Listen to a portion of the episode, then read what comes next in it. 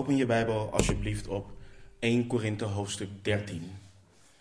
1 Korinthe hoofdstuk 13. We bevinden ons momenteel in onze serie Bijbelse liefde. Liefde zoals gedefinieerd door God in zijn woord. Um, laten we de tekst lezen. Laten we bidden. En um, dan vervolgens de tekst ingaan. Als er iemand is die geen Bijbel bij zich heeft en een leenbijbel wil, steek je hand op en we voorzien je van een leenbijbel. Um, maar als je je Bijbel open hebt, 1 Korinthe 13, en we lezen vanaf vers 1, waar de apostel Paulus schreef onder leiding van Gods geest. Als zou ik de talen van de mensen en van de engelen spreken, maar ik had de liefde niet, dan zou ik klinkend koper of een schallende symbaal zijn geworden. En al zou ik de gave van de profetie hebben en alle geheimenissen weten en alle kennis bezitten en al zou ik het al zou ik al het geloof hebben zodat ik bergen zou verzetten, maar ik had de liefde niet, dan was ik niets. En al zou ik al mijn bezittingen uitdelen tot levensonderhoud van de armen en al zou ik mijn lichaam overgeven om verbrand te worden, maar ik had de liefde niet, het baatte mij niets. De liefde is geduldig, zij is vriendelijk. De liefde is niet jaloers. De liefde pronkt niet. Zij doet niet gewichtig. Zij handelt niet ongepast. Zij zoekt niet haar eigen belang. Zij wordt niet verbitterd. Zij denkt geen kwaad. Zij verblijdt zich niet over de ongerechtigheid, maar verheugt zich over de waarheid. Zij bedekt alle dingen. Zij gelooft alle dingen. Zij hoopt alle dingen. Zij verdraagt alle dingen. De liefde vergaat nooit. Wat dan profetieën betreft, zij zullen er niet gedaan worden. Wat talen betreft, zij zullen ophouden. Wat kennis betreft, zij zal er niet gedaan worden. Maar wanneer het volmaakte zal gekomen zijn, zal wat ten dele is te niet gedaan worden. Toen ik een kind was, sprak ik als een kind, dacht ik als een kind, overlegde ik als een kind. Maar nu ik een man geworden ben, heb ik het kinderlijke te niet, te niet gedaan. Nu immers kijken wij door middel van een spiegel in een raadsel. Maar dan zullen wij zien van aangezicht tot aangezicht. Nu ken ik ten dele, maar dan zal ik kennen zoals ik zelf gekend ben. En nu blijven geloof, hoop en liefde. Deze drie.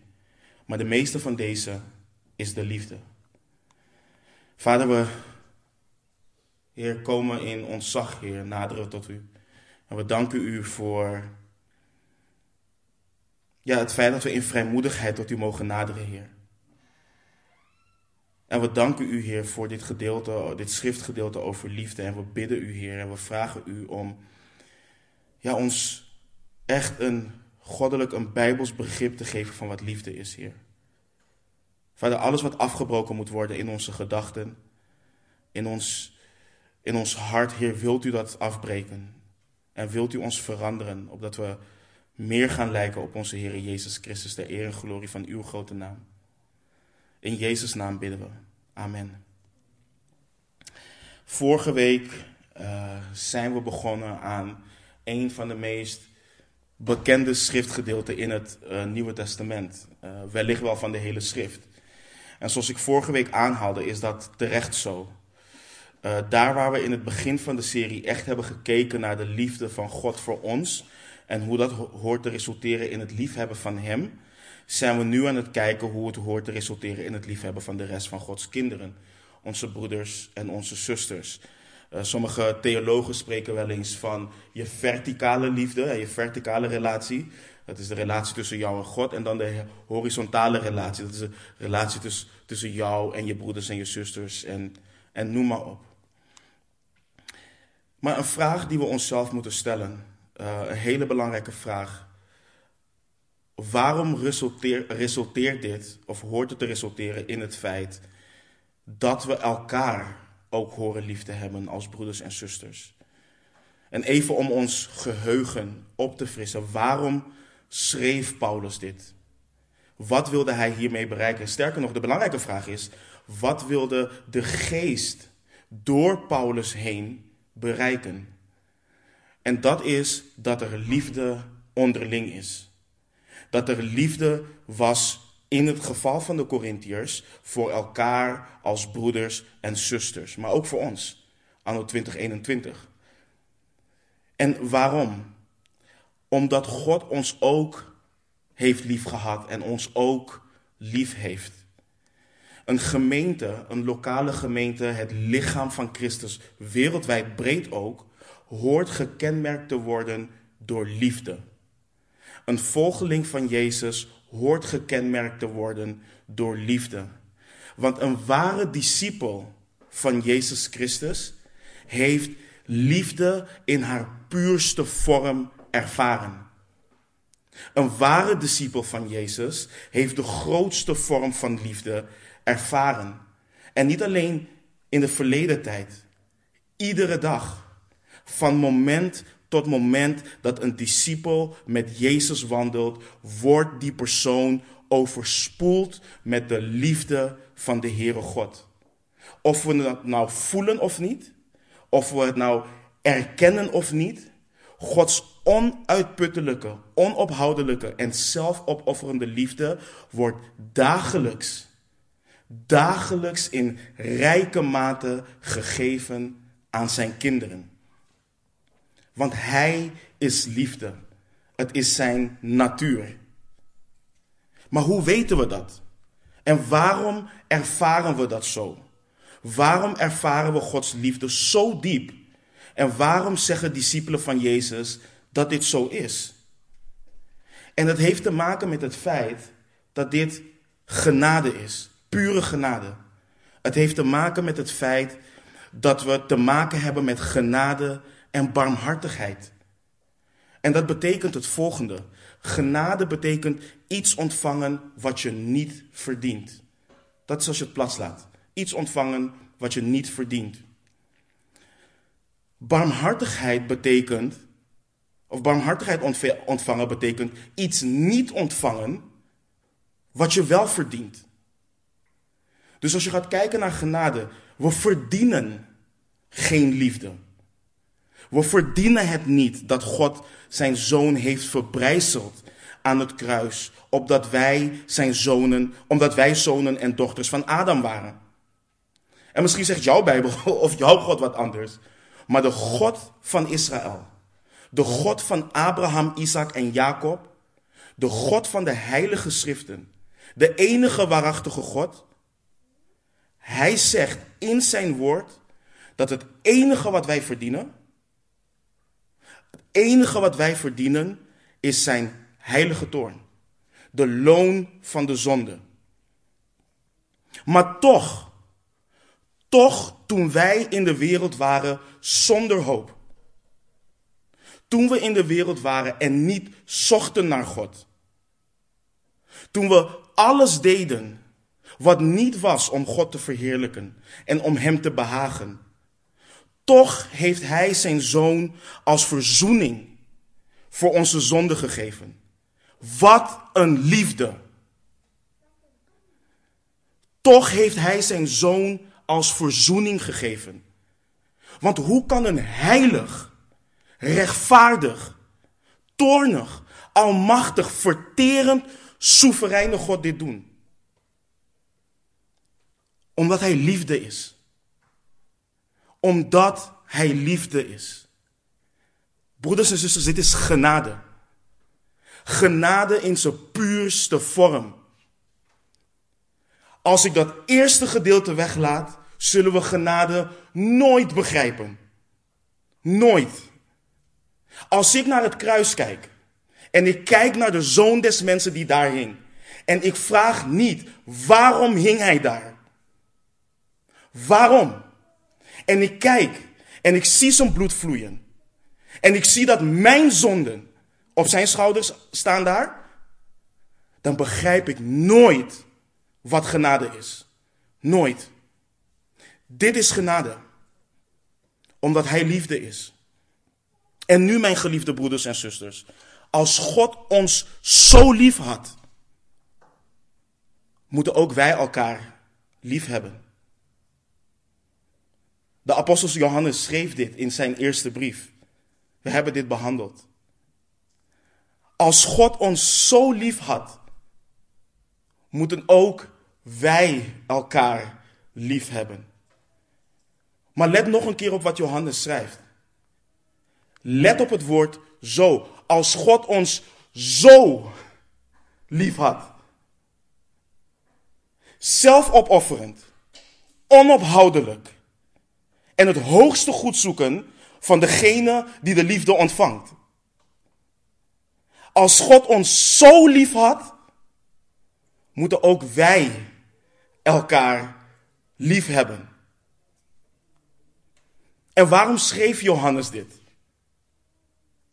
Omdat we van nature niet liefhebbend zijn. En dat houdt niet in dat we geen liefdevolle daden kunnen doen. Ieder mens kan liefdevolle daden doen. Iedereen kan nobele daden doen. Maar Johannes heeft het niet hier over liefde zoals gedefinieerd door de wereld. En de liefde waar de apostel Paulus over schrijft in 1 Korinthe 13 is alles behalve liefde zoals gedefinieerd door de wereld. De liefde waar zij het over hebben, is de liefde die ieder mens wat uit God geboren is, ontvangen heeft en ervaren heeft. Denk terug aan het moment van je wedergeboorte. Misschien weet je niet exact wat dat moment is. Maar denk aan het moment. En ieder van ons moet hebben ervaren wat Petrus heeft ervaren. Toen hij op de grond lag en tegen Jezus zei: Heer, ga weg van mij, want ik ben een zondig mens. Waarom? Want hij zag liefde in de puurste vorm. Hij zag heiligheid in de puurste vorm. Hij zag de afstraling van God in Christus Jezus. Dat is wat hij zag. En deze liefde is een absolute noodzaak. Het is een absolute noodzaak dat onze relaties als broeders en zusters gevormd, geregeerd en gebaseerd zijn op de liefde die haar oorsprong in God heeft. En het is zo'n noodzaak dat continu God de discipelen toen en de discipelen vandaag de dag daaraan herinnert. De Heer Jezus zei aan het einde van zijn bediening, net voordat hij naar het kruis ging, om de zijnen vrij te kopen met zijn overwinning op de Satan en de dood, in Johannes 15, vers 12. Dit is mijn gebod. Dat u elkaar lief hebt, zoals ik u lief gehad heb. Dit is wat Jezus zei net voordat hij naar het kruis ging. Paulus schreef in 1 Korinthe 16, vers 14. Laat alles bij u in liefde gebeuren. Aan de Thessalonicense schreef Paulus in 1 Thessalonicense 4, versen 9 en 10. Wat nu de broederliefde betreft, hebt u het niet nodig dat ik u schrijf, want u bent zelf door God onderwezen om elkaar lief te hebben. Want u doet dat ook. Ten opzichte van alle broeders die in heel Macedonië zijn. Wij roepen u echter toe op, broeders, dat nog veel meer te doen. Petrus schreef aan de heiligen in 1 Petrus 4, vers 8. Maar heb voor alles vurige liefde voor elkaar. Want de liefde zal een menigte van zonden bedekken. En eerder net citeerde ik de apostel Johannes al. Maar om het af te sluiten citeer ik hem weer. En dit is 1 Johannes 2, uh, 3, vers 23. En dit is zijn gebod. Dat wij geloven in de naam van zijn zoon, Jezus Christus. En dat wij elkaar lief hebben zoals hij ons een gebod gegeven heeft. Dus Gods woord zit vol met geboden, met het gebod om elkaar lief te hebben. Dit is wat hij wil. Hij wil dat zijn kinderen elkaar lief hebben. En heel vaak zeggen we ook, en terecht, dat God ons dingen opdraagt om te doen die we niet kunnen doen. We kunnen die dingen niet uit onszelf. Als ik dit lees, als ik de schrift bestudeer, dan zie ik mijn onvermogen. En hoe meer ik dat zie, hoe groter ik zie dat, de God, hoe groter ik zie dat God wel bij machten is. Maar zoals we ook eerder hebben gezien, God is genadig. En zijn genade stopt niet met het feit dat we vergeven zijn en onze zonden zijn weggedaan. Nee, hij heeft ons zijn geest gegeven. Hij komt in ons wonen, opdat we niet alleen vergeven, schoongewassen, geheiligd zijn en nieuw leven hebben. Nee, hij komt in ons wonen, opdat we de geboden die hij ons gegeven heeft, in en door de kracht van zijn geest kunnen gehoorzamen, wanneer we wandelen door de geest. Wanneer we ons volledig overgeven aan de soevereine heerschappij van Gods geest in en over ons leven. Opdat Hij kan doen wat Hij wil doen in en met ons om onze Heer Jezus Christus te verheerlijken.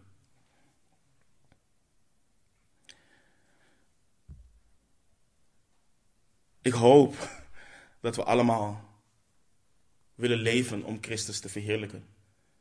Dat we allemaal willen leven voor Zijn eer en voor Zijn glorie. Dit, dit alles, het is, een, het is een bovennatuurlijk werk wat God doet.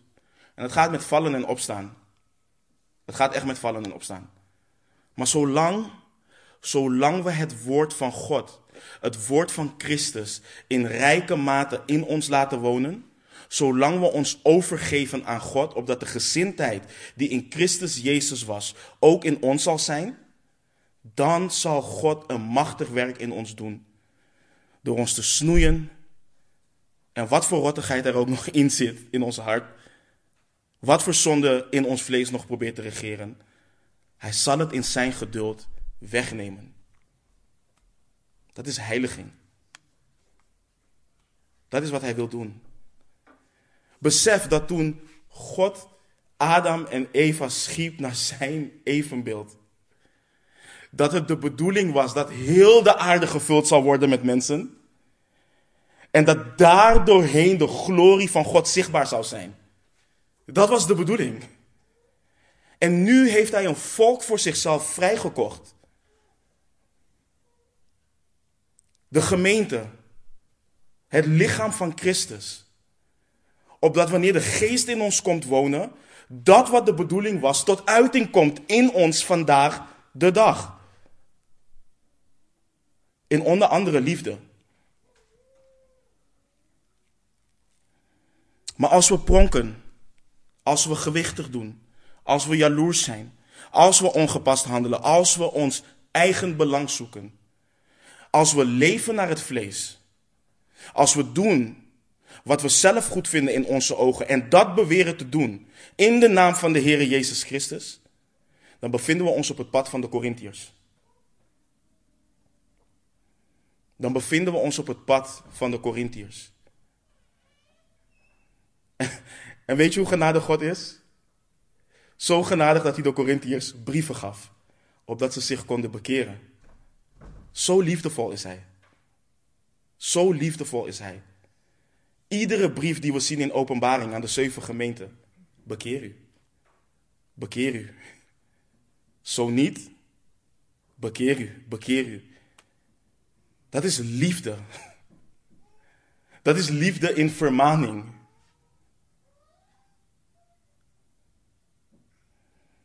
En het pad van de Corinthiërs, dat is waar Paulus dus de Corinthiërs zelf voor wilde behoeden. En dat is waar de geest ons anno 2021 van wil behoeden. In en door 1 Korinthe 13 wil Paulus onder leiding van Gods geest laten zien hoe ware liefde handelt. De geest geeft ons geen definitie van liefde in deze verse. De geest heeft ons door de apostel Johannes laten zien dat liefde niet op zichzelf staat, maar dat liefde haar oorsprong in God heeft. God is liefde.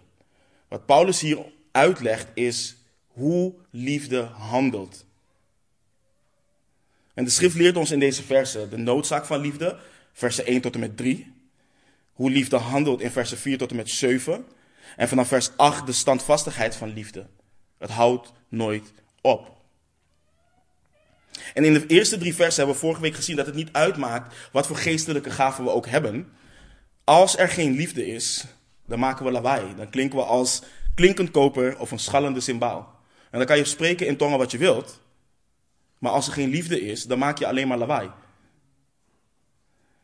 Als zouden we het geloof hebben om bergen te verzetten, als zouden we alle geheimenissen weten en alle kennis bezitten, maar de liefde ontbreekt, dan zijn we helemaal niets.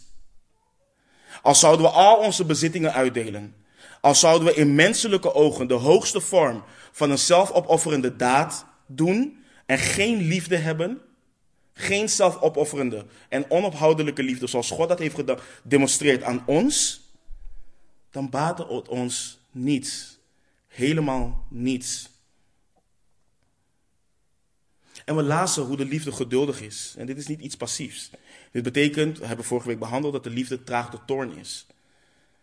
En hier zie je hoe de liefde weer haar oorsprong heeft in God. Want onze Heere God is traag de toorn. Dat hebben we vorige week ook behandeld.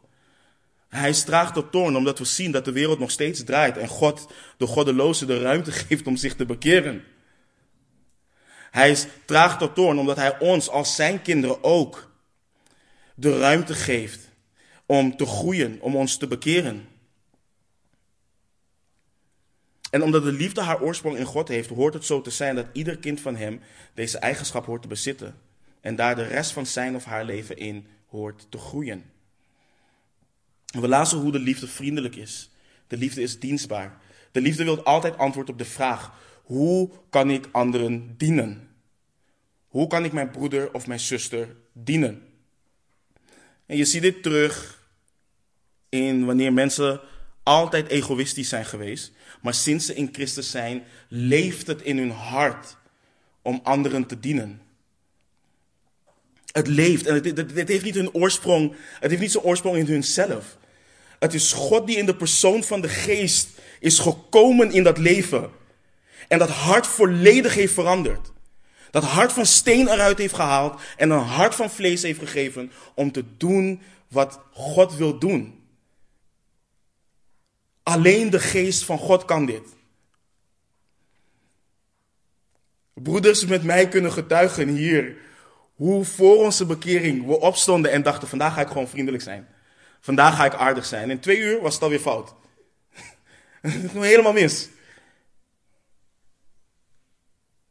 Maar in het dagelijks overgeven aan de geest van God. Het dagelijks leven naar zijn wil. Het feit dat hij gezien wilt worden door ons heen. Opdat mensen kunnen zeggen, hij moet of zij moet een groot God dienen. Want ik kende hem of haar. Wat is dat? De liefde van God. Dat is het. Vanuit Gods liefde goed te doen aan broeders en zusters op een wijze wat de ander helpt te groeien in hun relatie met de Heer. En die liefde, wat ik net ook al zei, die liefde vermaant ook. Want vermaant de Heere God ons niet? Hij vermaant ons, omdat Hij ons lief heeft. Opdat, hij, opdat we wandelen zoals Hij wilt dat we wandelen. We zagen dat de liefde niet jaloers is. De liefde benijdt broeders en zusters niet. Een kind van God wordt niet gedreven door afgunst richting een broeder of zuster omdat die iets heeft of, of iets is wat hij of zij niet heeft of is. Iemand geboren uit God wil zijn of haar broeder of zuster niet zien falen, maar wilt voor die persoon wat God voor hem of haar wilt. Weet je, mijn, mijn verlangen bijvoorbeeld God heeft iedereen hier geestelijke gaven gegeven. En ieder die wedergeboren is, ontvangt geestelijke gaven van God. En, dat zijn, en, we krijgen allemaal verschillende geestelijke gaven. En de een ziet er spectaculairder misschien uit in onze ogen dan de ander. Dat is wat de Corinthiërs ook dachten. Die spreekt in talen, die profeteert. Wow, dat, dat wil ik ook. Maar iedere geestelijke gave is gegeven opdat het lichaam van Christus opgebouwd wordt. Hoe groot of hoe klein ook in onze eigen ogen. En wat ons verlangen dan is, is als de liefde regeert in mijn hart, broeder, zuster, wat is de geestelijke gave die God jou heeft gegeven? Heb je daar wel eens over nagedacht? Heb je er wel eens over nagedacht hoe God wil dat jij hem bijbels dient? Met de geestelijke gave die je van hem, hem hebt ontvangen. We lazen de liefde pronkt niet. De liefde doet niet gewichtig. Ware liefde, goddelijke liefde, bijbelse liefde wordt gekenmerkt door nederigheid. Want hoe goed is het dat jij en ik, die eerst vijanden waren van God, nu kinderen van Hem zijn? Hoe goed is het dat wij, die eerst onszelf dienden, Hem mogen dienen? En is het omdat wij waardig waren? Is het omdat wij het verdienen? Nee, het is omdat Hij goed is. Omdat Hij waardig is. Omdat Hij ervoor kiest om, te, om ons te gebruiken om Hem te dienen. Kijk, we moeten het volgende beseffen. Vergeet niet dat er werd gezegd dat God kinderen van Abraham uit stenen kon maken. Dus God heeft ons niet nodig. Maar in zijn genade, in zijn liefde, gebruikt hij ons.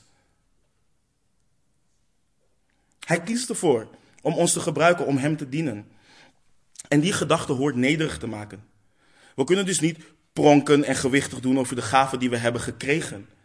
We kunnen niet pronken en gewichtig doen over de dingen die God in ons doet of heeft gedaan. We kunnen niet pronken of gewichtig doen, omdat alles wat we zijn, alles wat we doen, alles wat we ontvangen, alles, alles is van Hem. Alles komt van Hem en alles is voor Hem. Wanneer we dienen, dienen we niet voor onszelf, we dienen voor Hem.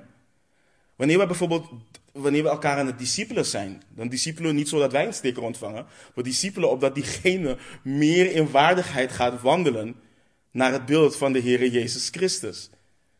Alles is van Hem, alles is door Hem en alles is voor Hem. En weet je, wat zo prachtig is, en ik hoop dat we dat nooit mogen vergeten. Hij heeft de hoofdrol. Het draait om Hem. En wij mogen genieten. Genieten van hoe Hij ons gebruikt voor Zijn eigen glorie, om zichzelf te behagen. Het is ook zo mooi wat Paulus aan Timotheus schrijft, is dat God door hem zijn geduld zou laten zien aan hen die nog tot geloof zouden komen. Het is allemaal voor hem. Het is niet omdat Paulus geprezen zou worden, het is omdat Gods geduld zichtbaar zou worden. En ik weet niet van jullie, maar ik heb lang voor mezelf geleefd. Ik weet hoe het is om voor jezelf te leven om je eigen gang te willen gaan. En het klinkt goed, maar het is vermoeiend. Het is vermoeiend en onbevredigend om een leven te leiden waarin jij de hoofdrol hebt en alles om jou draait. En waarom het vermoeiend is, is omdat het niet de realiteit is. De realiteit is dat het leven niet om ons draait, maar om de gever van het leven. Hij die het leven zelf is. De Heer Jezus Christus. Hoe, hoe, hoe zien we het vaak wanneer iemand bijvoorbeeld die ene baan heeft ontvangen? Ik van, ja, ik kan nu eindelijk doen wat ik altijd wilde doen. En na een verloop van tijd zie je dat dat zakt en zakt en zakt en zakt. Maar wanneer, wanneer je erachter komt, ik ben voor hem gemaakt, ik ben door hem gemaakt. En wanneer dat landt in jouw hart en je daarvoor leeft, niets kan dat wegnemen. Want je doet letterlijk waarvoor je gemaakt bent. Voor wie je gemaakt bent. Voor de Allerhoogste, de Onvergankelijke, de Koning der Eeuwen.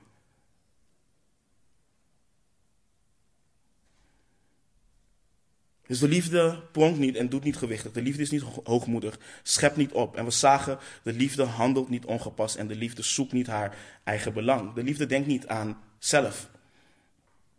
De liefde denkt aan degene die de liefde ontvangt. Liefde wilt geven, want het is zelfopofferend. Dus de liefde kijkt niet naar hoe kan ik er zelf beter van worden. De liefde kijkt naar het belang van de broeder of de zuster.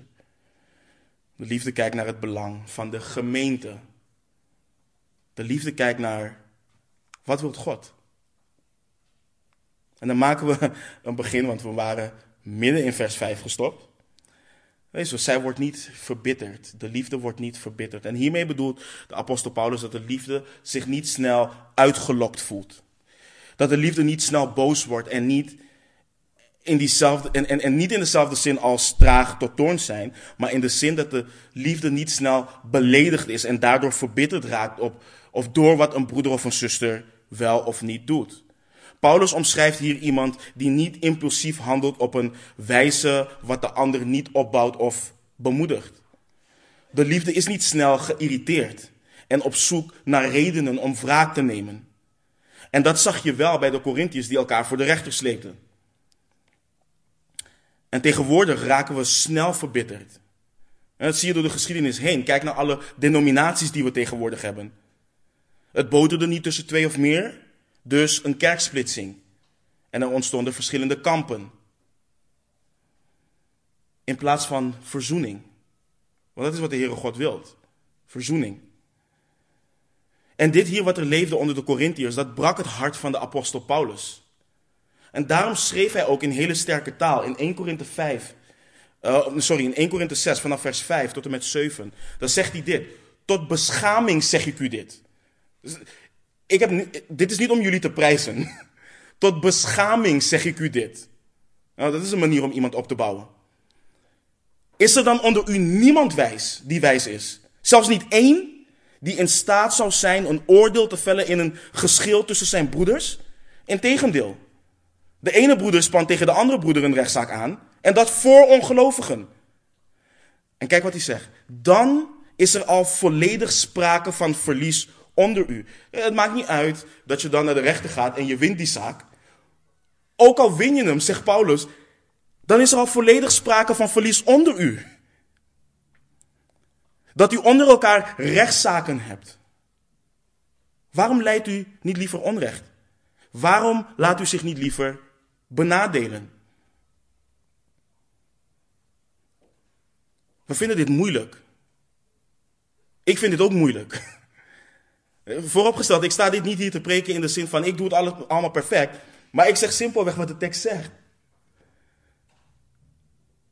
En hij schrijft dit aan volgelingen van Jezus, omdat we hier moeite mee hebben. En wat hij in 1 Korinthe 6 schrijft, je ziet dat het overeenkomt met 1 Korinthe 13. Hij roept hun op om traag tot toorn te zijn, om niet verbitterd te worden. En broeders en zussen, dit is zo belangrijk, want we dienen te onthouden dat God niet verbitterd is richting ons. We dienen te onthouden dat wij God iedere dag falen. Dat we de oproep krijgen om volmaakt te zijn zoals Hij volmaakt is. Dat we de oproep krijgen om heilig te zijn omdat Hij heilig is. Maar dat Hij genadig en geduldig met ons omgaat. Dat Hij niet verbitterd raakt omdat we dat aan deze kant van de eeuwigheid niet zijn. En dit houdt niet in dat we niet handelen wanneer we dat wel moeten doen. Wanneer er ongerechtigheid plaatsvindt in de gemeente, wanneer er valse leer wordt verkondigd, wanneer iemand zondigt, wat dan ook, dan handelen we. Dan dienen we in geduld te handelen. We dienen op te roepen tot bekering. We dienen te bidden en die persoon te wijzen op Gods woord in liefde en waarheid. Maar we horen iets niet te bestempelen als zonde als het dat niet is en verbitterd raken richting een broeder of een zuster, omdat wij zelf wellicht onverdraagzaam zijn. We lezen dat de liefde geen kwaad denkt. En wat Paulus hier in het Griek schrijft is dat de liefde geen verslag erop nahoudt van vergrijpen of zonden uit het verleden. De liefde gaat niet rond met een boek om te zeggen: Weet je nog dat ene wat je toen had gedaan en nu doe je dit weer? En de liefde bazuint dat ook niet rond in de gemeente. De liefde houdt geen scorekaart bij van fouten of zonden. We horen niet in ons te hebben dat bij het minste of het geringste wat er gebeurt, of alles wat ons aangedaan wordt, dat dat, dat naar boven wordt gehaald. Dit is niet bevorderlijk voor verzoening. Weet je, wanneer er mensen hier weggaan en in berouw en bekering terugkomen en alles is uitgesproken, dan doen we het weg. Wat er is gebeurd, net zoals God niet meer aan onze zonde denkt. En net zoals Hij onze zonde wegdoet. En nogmaals, dit is makkelijker gezegd dan gedaan. Want in onze gevallen natuur hebben we de neiging om al die zaken naar boven te halen en daarmee aan te vallen. Maar dat is niet hoe onze hemelse Vader met ons omgaat. Dus we zouden Hem moeten smeken om die gezindheid. We zouden Hem moeten smeken om dit in en door ons heen te doen. En wanneer we dat doen, wanneer we hier naar streven, dan zal Hij dit ook in ons doen. Vers 6. Zij verblijdt zich niet over de ongerechtigheid, maar verheugt zich over de waarheid. Wat is ongerechtigheid? Wat is de ware bijbelse definitie daarvan? En synoniemen hiervan um, zijn ook wel onrechtvaardigheid en zondigheid. Zonde. Maar niet, niet onrechtvaardigheid zoals de wereld dat definieert. Het is onrechtvaardigheid in de vorm van het schenden van wat God heeft gedefinieerd als goed en rechtvaardig. De wereld zegt bijvoorbeeld dat het onrechtvaardig is dat vrouwen niet zelf kunnen bepalen of ze een abortus willen of niet. De wereld vindt dat onrechtvaardig dat ze dat niet zelf kunnen bepalen. Maar God zegt dat kinderen een geschenk zijn van Hem en dat Hij bepaalt over leven en dood. De wereld zegt dat het onrechtvaardig is dat mensen van hetzelfde geslacht niet bij elkaar mogen zijn. Maar God zegt dat Hij het huwelijk heeft ingesteld als verbond tussen één man en één vrouw en Hem. Het huwelijk is niet wat de wereld ervan vindt, maar wat God ervan vindt. Hij heeft het huwelijk ingesteld. En we moeten heel brutaal willen zijn als wij willen gaan herdefiniëren wat God heeft ingesteld. Maar het is makkelijk om te praten over de wereld. En dat gaat zo over ons hoofd heen. Maar hoe zit het met de kerk? Beleidende kerken en volgelingen um, van Jezus vinden het onrechtvaardig dat vrouwen geen oudsten kunnen zijn. Maar Gods woord leert dat Hij orde en leiderschap van de gemeente heeft bepaald. Hij heeft dat bepaald. Niet op basis van de waarde van een man of een vrouw, want daar heeft Paulus het niet over. Nee, op basis van zijn soevereine wil. En dat is iets wat we goed moeten beseffen. Zijn soevereine wil. Dus de liefde verblijdt zich niet over de ongerechtigheid. Wanneer er dingen in gemeenten gebeuren die niet goed zijn, die tegen Gods wil gaan, dan moeten we daar tegen handelen. Maar niet alleen dat. De liefde verblijdt zich niet over het feit dat een broeder of een zuster in zonde leeft. En dat is waar de Corinthiërs gewichtig over deden. Daar was er een man in hun midden die zondigde op een manier waar, wat niet eens onder de heidenen voorkwam. En niemand deed wat. Iedereen gewichtig doen over geestelijke gaven. Er was geen verbogenheid over. Sterker, sterker nog, nogmaals, ze deden gewichtig en achter zichzelf geestelijk.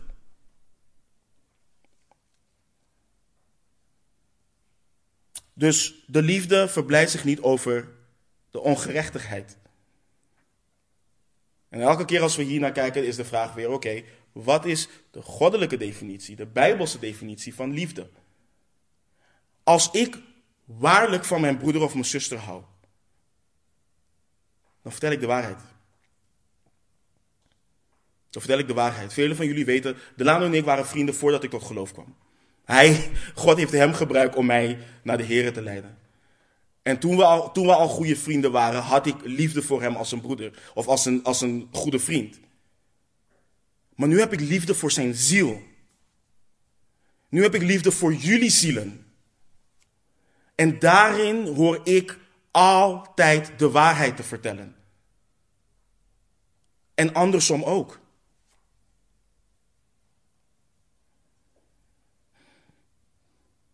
Die broeder of zuster vervalt in zonde of er gebeurt gewoon wat. Kijk, en, en dit is ook een, andere, um, een ander punt. De liefde verblijdt zich niet over de ongerechtigheid. Stel je hebt oneenigheid met een broeder of een zuster. Wat kan gebeuren? En er overkomt die broeder of zuster wat. Die broeder of zuster vervalt in zonde of gebeurt gewoon wat in hun leven wat, wat heel onrechtvaardig is. Dan verblijd je je daar niet over. We, we wensen elkaar geen slechte dingen toe. Je hoort daarover te rouwen. Je hoort daarover verdrietig te zijn, want we weten dat de zonde God bedroeft. Dus de liefde verheugt zich niet ongerecht. De liefde verheugt zich niet in de dingen die niet waar zijn. In bijvoorbeeld geroddel, laster. De liefde verheugt zich daar niet in. Wanneer een broeder of een zuster, of wie dan ook, iets zegt over. En dit is heel praktisch voor ons allemaal. Het is echt iets wat we ook moeten leren. Wanneer een broeder of een zuster iets tegen jou zegt over een ander. Dus de eerste vraag die je hem of haar moet stellen: heb je dit tegen hem of haar gezegd? Ben je naar hem of haar toegegaan? Of laten we nu naar hem of haar gaan, dan kan het onmiddellijk opgehelderd worden. Weet je nog in Haarlemmermeer, de gemeente waar we hier, hier, hier voor gingen, heb ik dat gewoon letterlijk in levende lijven gezien. Hoe een broeder naar een andere broeder wilde gaan om iets te zeggen van ja, ik zit. Oké, kom, we gaan. Vertel het nu. Dan komen dingen gewoon in het licht. En dan kan de Satan er niks mee doen. Maar het moment dat ik rondga, ja, dit, dat, zus, zo. De Satan komt de gemeente binnen en hij probeert het kapot te maken. Maar zodra iets in het licht is en ik de waarheid vertel, dan kan hij daar niets mee. Dan kan hij er helemaal niets meer mee. En wanneer mensen dat niet willen, wanneer ze reageren met, oh nee, dat hoeft niet hoor, of, of nee, ja, nee, wanneer ze een slap excuus hebben, dan heb je te maken met iemand zonder liefde die gewoon wilt roddelen. Dat is ongerechtigheid. En de liefde verblijdt zich daar niet over. De liefde verheugt zich in het horen van de waarheid en in het vertellen van de waarheid. Ook al doet de waarheid pijn. Ook al voelt de waarheid niet fijn op dat moment. Maar de liefde verheugt zich in de waarheid. En wat betekent waarheid? Wat is waarheid? Paulus heeft het hier, in het Grieks heeft hij het gewoon over de realiteit. En hij heeft het hier over oprechtheid. Hij heeft het over waarheid in de morele sfeer. Goddelijke waarheid zoals geopenbaard aan de mens. En wat belangrijk is, als je hier naar kijkt, dan zie je dat deze definitie niets te maken heeft met onze ideeën of onze eigen gevoelens. Dit heeft te maken met wat God heeft gedefinieerd als waarheid. Want alles wat van God is en alles wat van God komt, is waarheid. Jezus is de weg, de waarheid en het leven. Alles zoals overgeleverd. Alles wat door de Heer Jezus is geopenbaard. Dat is waar de liefde zich in verheugt. We verheugen ons in Jezus bijvoorbeeld als het lam van God. Het ultieme offer. We verheugen ons in Jezus die zachtmoedig is. Maar we horen ons ook te verheugen in Jezus die zal oordelen over de wereld. De rechter. Want dat is hij ook. We verheugen ons in het woord van God. Want God heiligt ons door zijn woord. En in Johannes 17 bad de Heer Jezus. Uw woord is de waarheid. Dat is wat hij bad.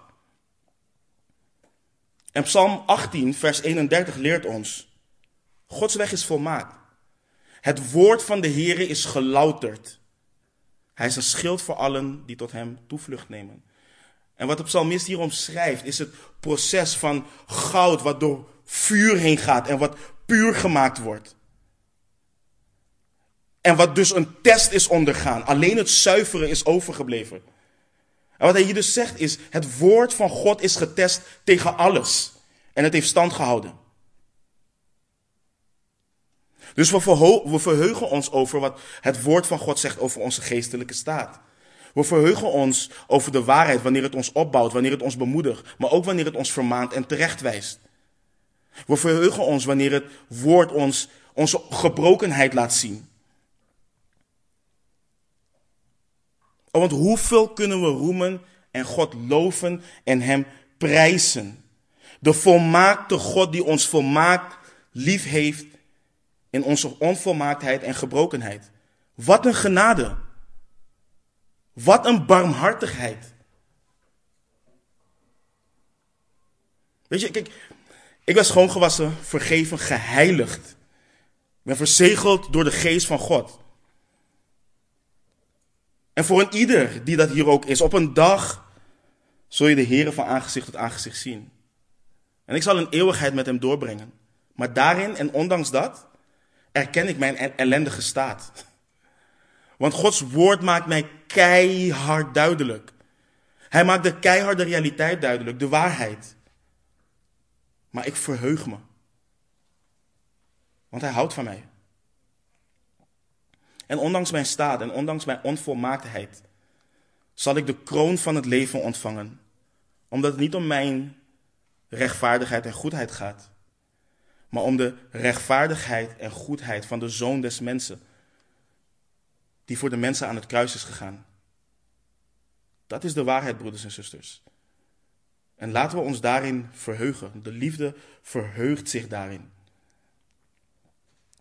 De liefde verheugt zich in het feit dat als ik gezondigd heb en mijn broeder of zuster mij daarin terechtwijst, het kan onprettig voelen. Maar daarom schrijft de auteur van de brief Hebreeën, Hebreeën 12, 11. Elke bestraffing schijnt op het moment zelf wel geen reden tot blijdschap te zijn, maar tot droefheid. Maar later geeft zij hun die erdoor geoefend zijn een vreedzame vrucht van gerechtigheid. Hoe prachtig is dit? Al die dingen die mijn moeder me vroeger had geleerd. Op het moment dat ze het me leerde, wilde ik niks horen. En nu heb ik kinderen. En mijn vader hetzelfde trouwens.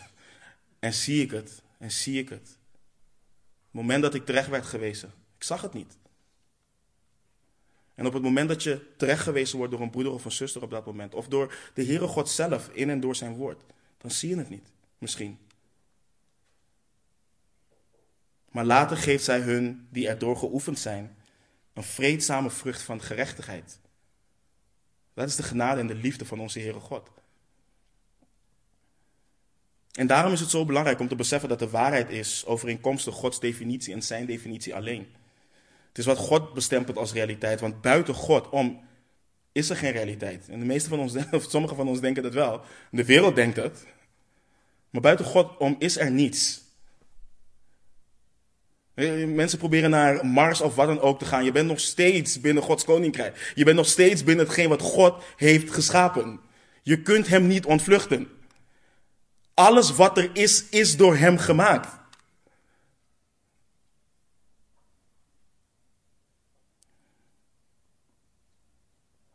In hem leven we, bewegen wij ons en bestaan wij.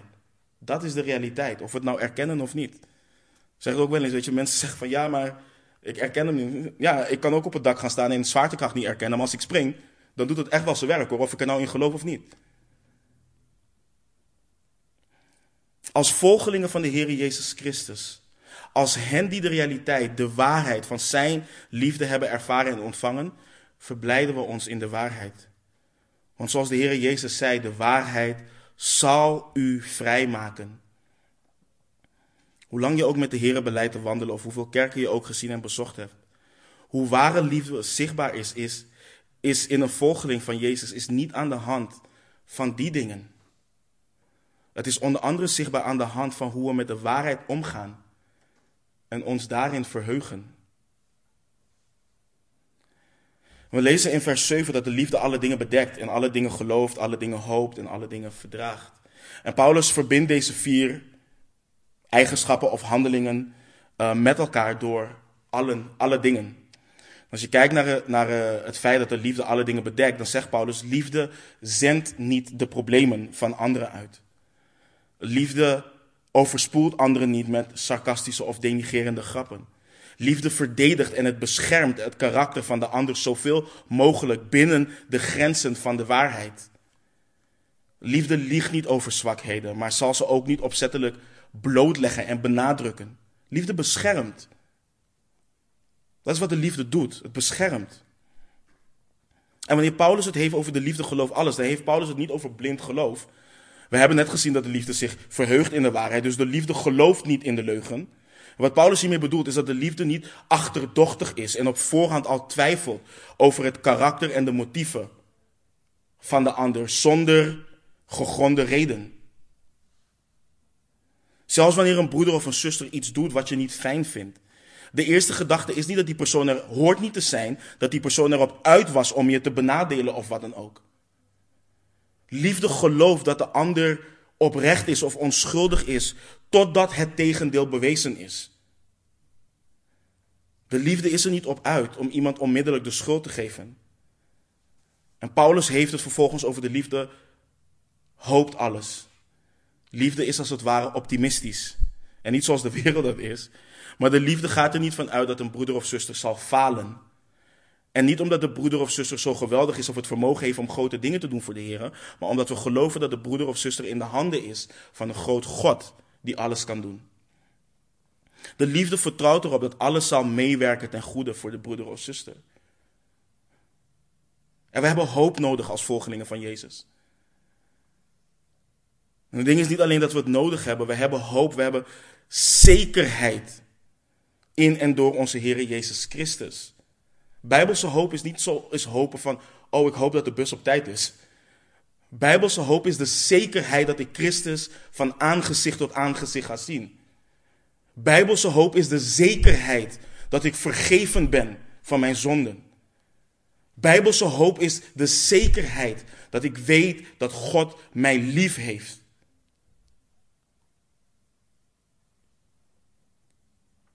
En wanneer liefde in ons hart regeert en wanneer het blijft toenemen in ons leven, dan zal hoop, de hoop die voortkomt uit, voortkomt uit onze relatie met de Heer, die zal blijven toenemen.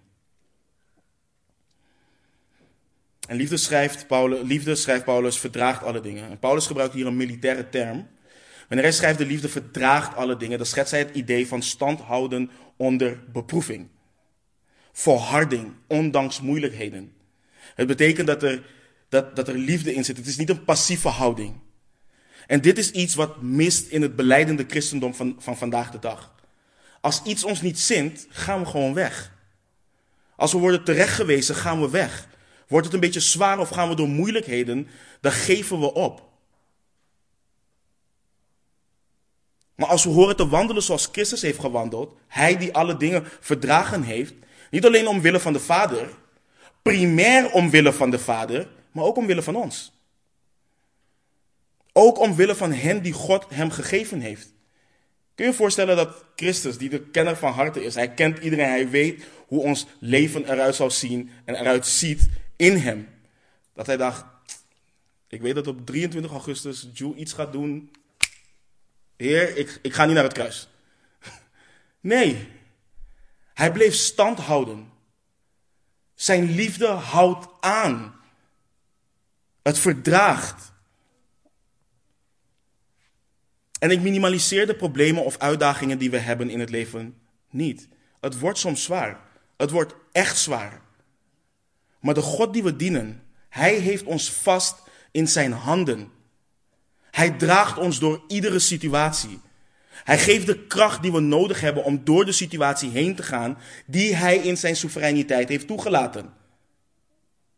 En de reden waarom velen niet kunnen verdragen tegenwoordig is een gebrek aan goddelijke, aan bijbelse liefde. Ik zei het vorige week al, liefde maakt nederig. Dus wanneer we ons op een kruispunt bevinden, in onze relatie met een broeder of een zuster, of in ons huwelijk, of met onze kinderen, of wat dan ook, wat doen we dan? Wat doen we als we terechtgewezen worden? Wat doen we als een broeder of een zuster iets doet wat we niet fijn vinden? En wat ieder van ons zou doen, kan ik niet beantwoorden. Maar Gods, leert wel, Gods woord leert wat we zouden horen te doen. En dat is verdragen. Verdragen. Is het makkelijk? Absoluut niet. Is het mogelijk? Ja, onder leiding van Gods geest. Als we ons echt overgeven om Gods wil te doen, dan is dit mogelijk. Dan leren we onszelf te verloochenen. En dan leren we vanuit de relatie die we met God hebben, de relatie die hij heeft geïnitieerd om met barmhartigheid te kijken naar de ander en die te verdragen. En een belangrijke kanttekening is wel het volgende. En we moeten iedere keer terugkeren naar de waarheid. De liefde verdraagt geen valse leer. De Heer Jezus, de profeten, de apostelen, de rest van de discipelen hebben daar hele duidelijke instructies over gegeven. De liefde verdraagt geen valse leer. We zijn niet verdraagzaam door iemand die valse leer verkondigt en herhaaldelijk blijft leven in zonden, zonder de moeite te doen en de wil te hebben om zich te bekeren daarin te laten. Dat is geen verdraagzaamheid. Dat is een valse vorm van verdraagzaamheid en dus een valse vorm van liefde. Want we hebben gelezen dat de liefde zich niet verblijdt over de ongerechtigheid. Dus we dealen daar wel mee. En waar Paulus het continu over heeft, is daar waar en waarlijk gemeenschap is. Daar waar men de wil heeft om God na te volgen. Niet op een eigen gedefinieerde manier, maar zoals God het heeft gedefinieerd. In, de in die relaties horen we te verdragen. Want we zullen elkaar teleurstellen. We zullen zondigen tegen elkaar. Maar goddelijke liefde, agape liefde, houdt aan en het verdraagt omwille van Jezus Christus. En we lezen vanaf vers 8 over de standvastigheid van liefde. Liefde houdt nooit op. Omwille van de tijd ga ik, ga ik er niet helemaal doorheen. Um,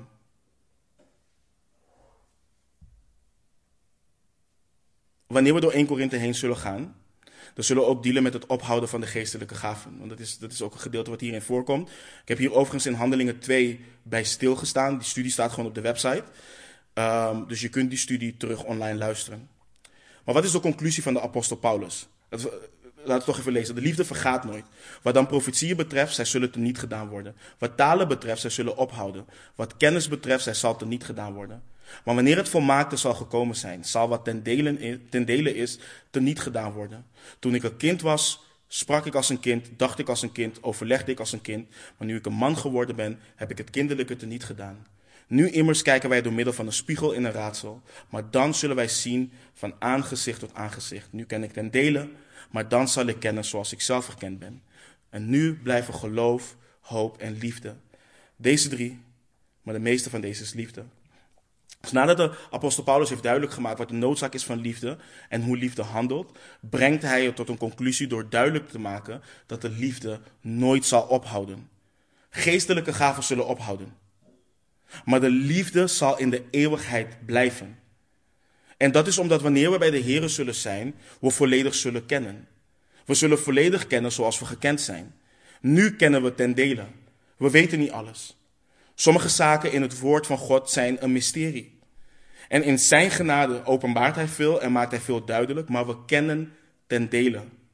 En zo profiteren we ten dele en gebruiken we al de geestelijke gaven die God geeft ten dele. We zijn niet volmaakt. En daarom is het leven aan deze kant van de eeuwigheid te vergelijken met het leven als een kind, van een kind. Een kind weet nog niet alles, een kind groeit in kennis, maar voor kinderen is veel nog een raadsel. Als je om je heen kijkt, is veel voor volwassenen ook nog een raadsel, maar dat is een ander verhaal. Maar wanneer we ons bevinden in de aanwezigheid van Hem, Hij die volmaakt is, Hij die volmaakt liefde is, Hij die puur is, wanneer we in Zijn aanwezigheid zijn, dan zullen we volledig kennen. En daarom maakt Paulus duidelijk, al die geestelijke gaven, streef ernaar. Maar streef vooral naar hetgeen wat eeuwig is. Want in de eeuwigheid zullen we God liefhebben met heel ons hart, met heel ons ziel en met heel onze kracht. En we kunnen niet in die eeuwigheid bij God leven zonder liefde voor Hem. Dus liefde blijft in eeuwigheid. En vers 13 is daarom zo prachtig. Wat blijven is geloof, hoop en liefde, maar de meeste van deze is de liefde. En het zou het gebed van in ieder van ons moeten zijn in deze lokale gemeente. Dat we gekenmerkt worden door deze gaven geloof, hoop en liefde. Ja, laat het zo zijn dat men zegt dat het woord van God rechtgesneden wordt hier. Maar laat het vooral zo zijn dat wat we ook doen, wat we ook doen, dat het gekenmerkt wordt door en gedaan wordt in geloof, hoop en liefde. En ik begon ermee en ik eindig er ook mee. Liefde is niet iets wat vanzelf gaat. Elkaar liefhebben gaat niet vanzelf. We horen dit na te jagen. De liefde kun je snel verlaten. We hebben dat gelezen in Openbaring. Het regeert alleen als we het prioriteit geven en de ruimte geven om te regeren. En hoe we het najagen is als volgt. We moeten hier als gemeente actief voor bidden. Als gemeente horen we actief God te vragen dat we mogen groeien in liefde. Dat er liefde onder ons zal zijn. En terwijl we dat doen, moeten we blijven mediteren op wat liefde is, zoals gedefinieerd in Gods woord. We kunnen nooit lief hebben als we geen bijbelse definitie hebben van liefde. En we gaan hier nu een aantal weken doorheen. Maar ik kan jullie garanderen of verzekeren dat wanneer we op de helft zijn van wat we hierna gaan behandelen, dat dit wat we nu behandelen minder op ons netvlies zal zijn. Dat is gewoon zo. Dat is, dat is nou eenmaal zo. En we hoeven niet in paniek te raken, want God zal ter herinnering, herinnering brengen wat de herinnering gebracht moet worden wanneer het nodig is. Maar we moeten actief blijven najagen naar dit. Dit is Gods wil. En wanneer we bidden en vragen naar zijn wil, dan zal hij ons ook verhoren. Hij wil en zal zichzelf hier doorheen verheerlijken. Dus de zelfopofferende uh, liefde van God is zichtbaar aan het kruis. En die liefde, werkzaam in ons hart, zal zich uiten in zijn gemeente. Als we, beleiden God lief te hebben, dan maken we dit een prioriteit in ons leven. En de manier waarop we liefde voor God en voor anderen tonen is door zijn geboden te gehoorzamen. En daarom kan de wet ook samengevat worden in, in die twee geboden, die beide uitdrukkingen uh, van liefde zijn. God liefhebben met heel ons hart, met heel ons ziel en met heel ons kracht. En onze naaste liefhebben als onszelf.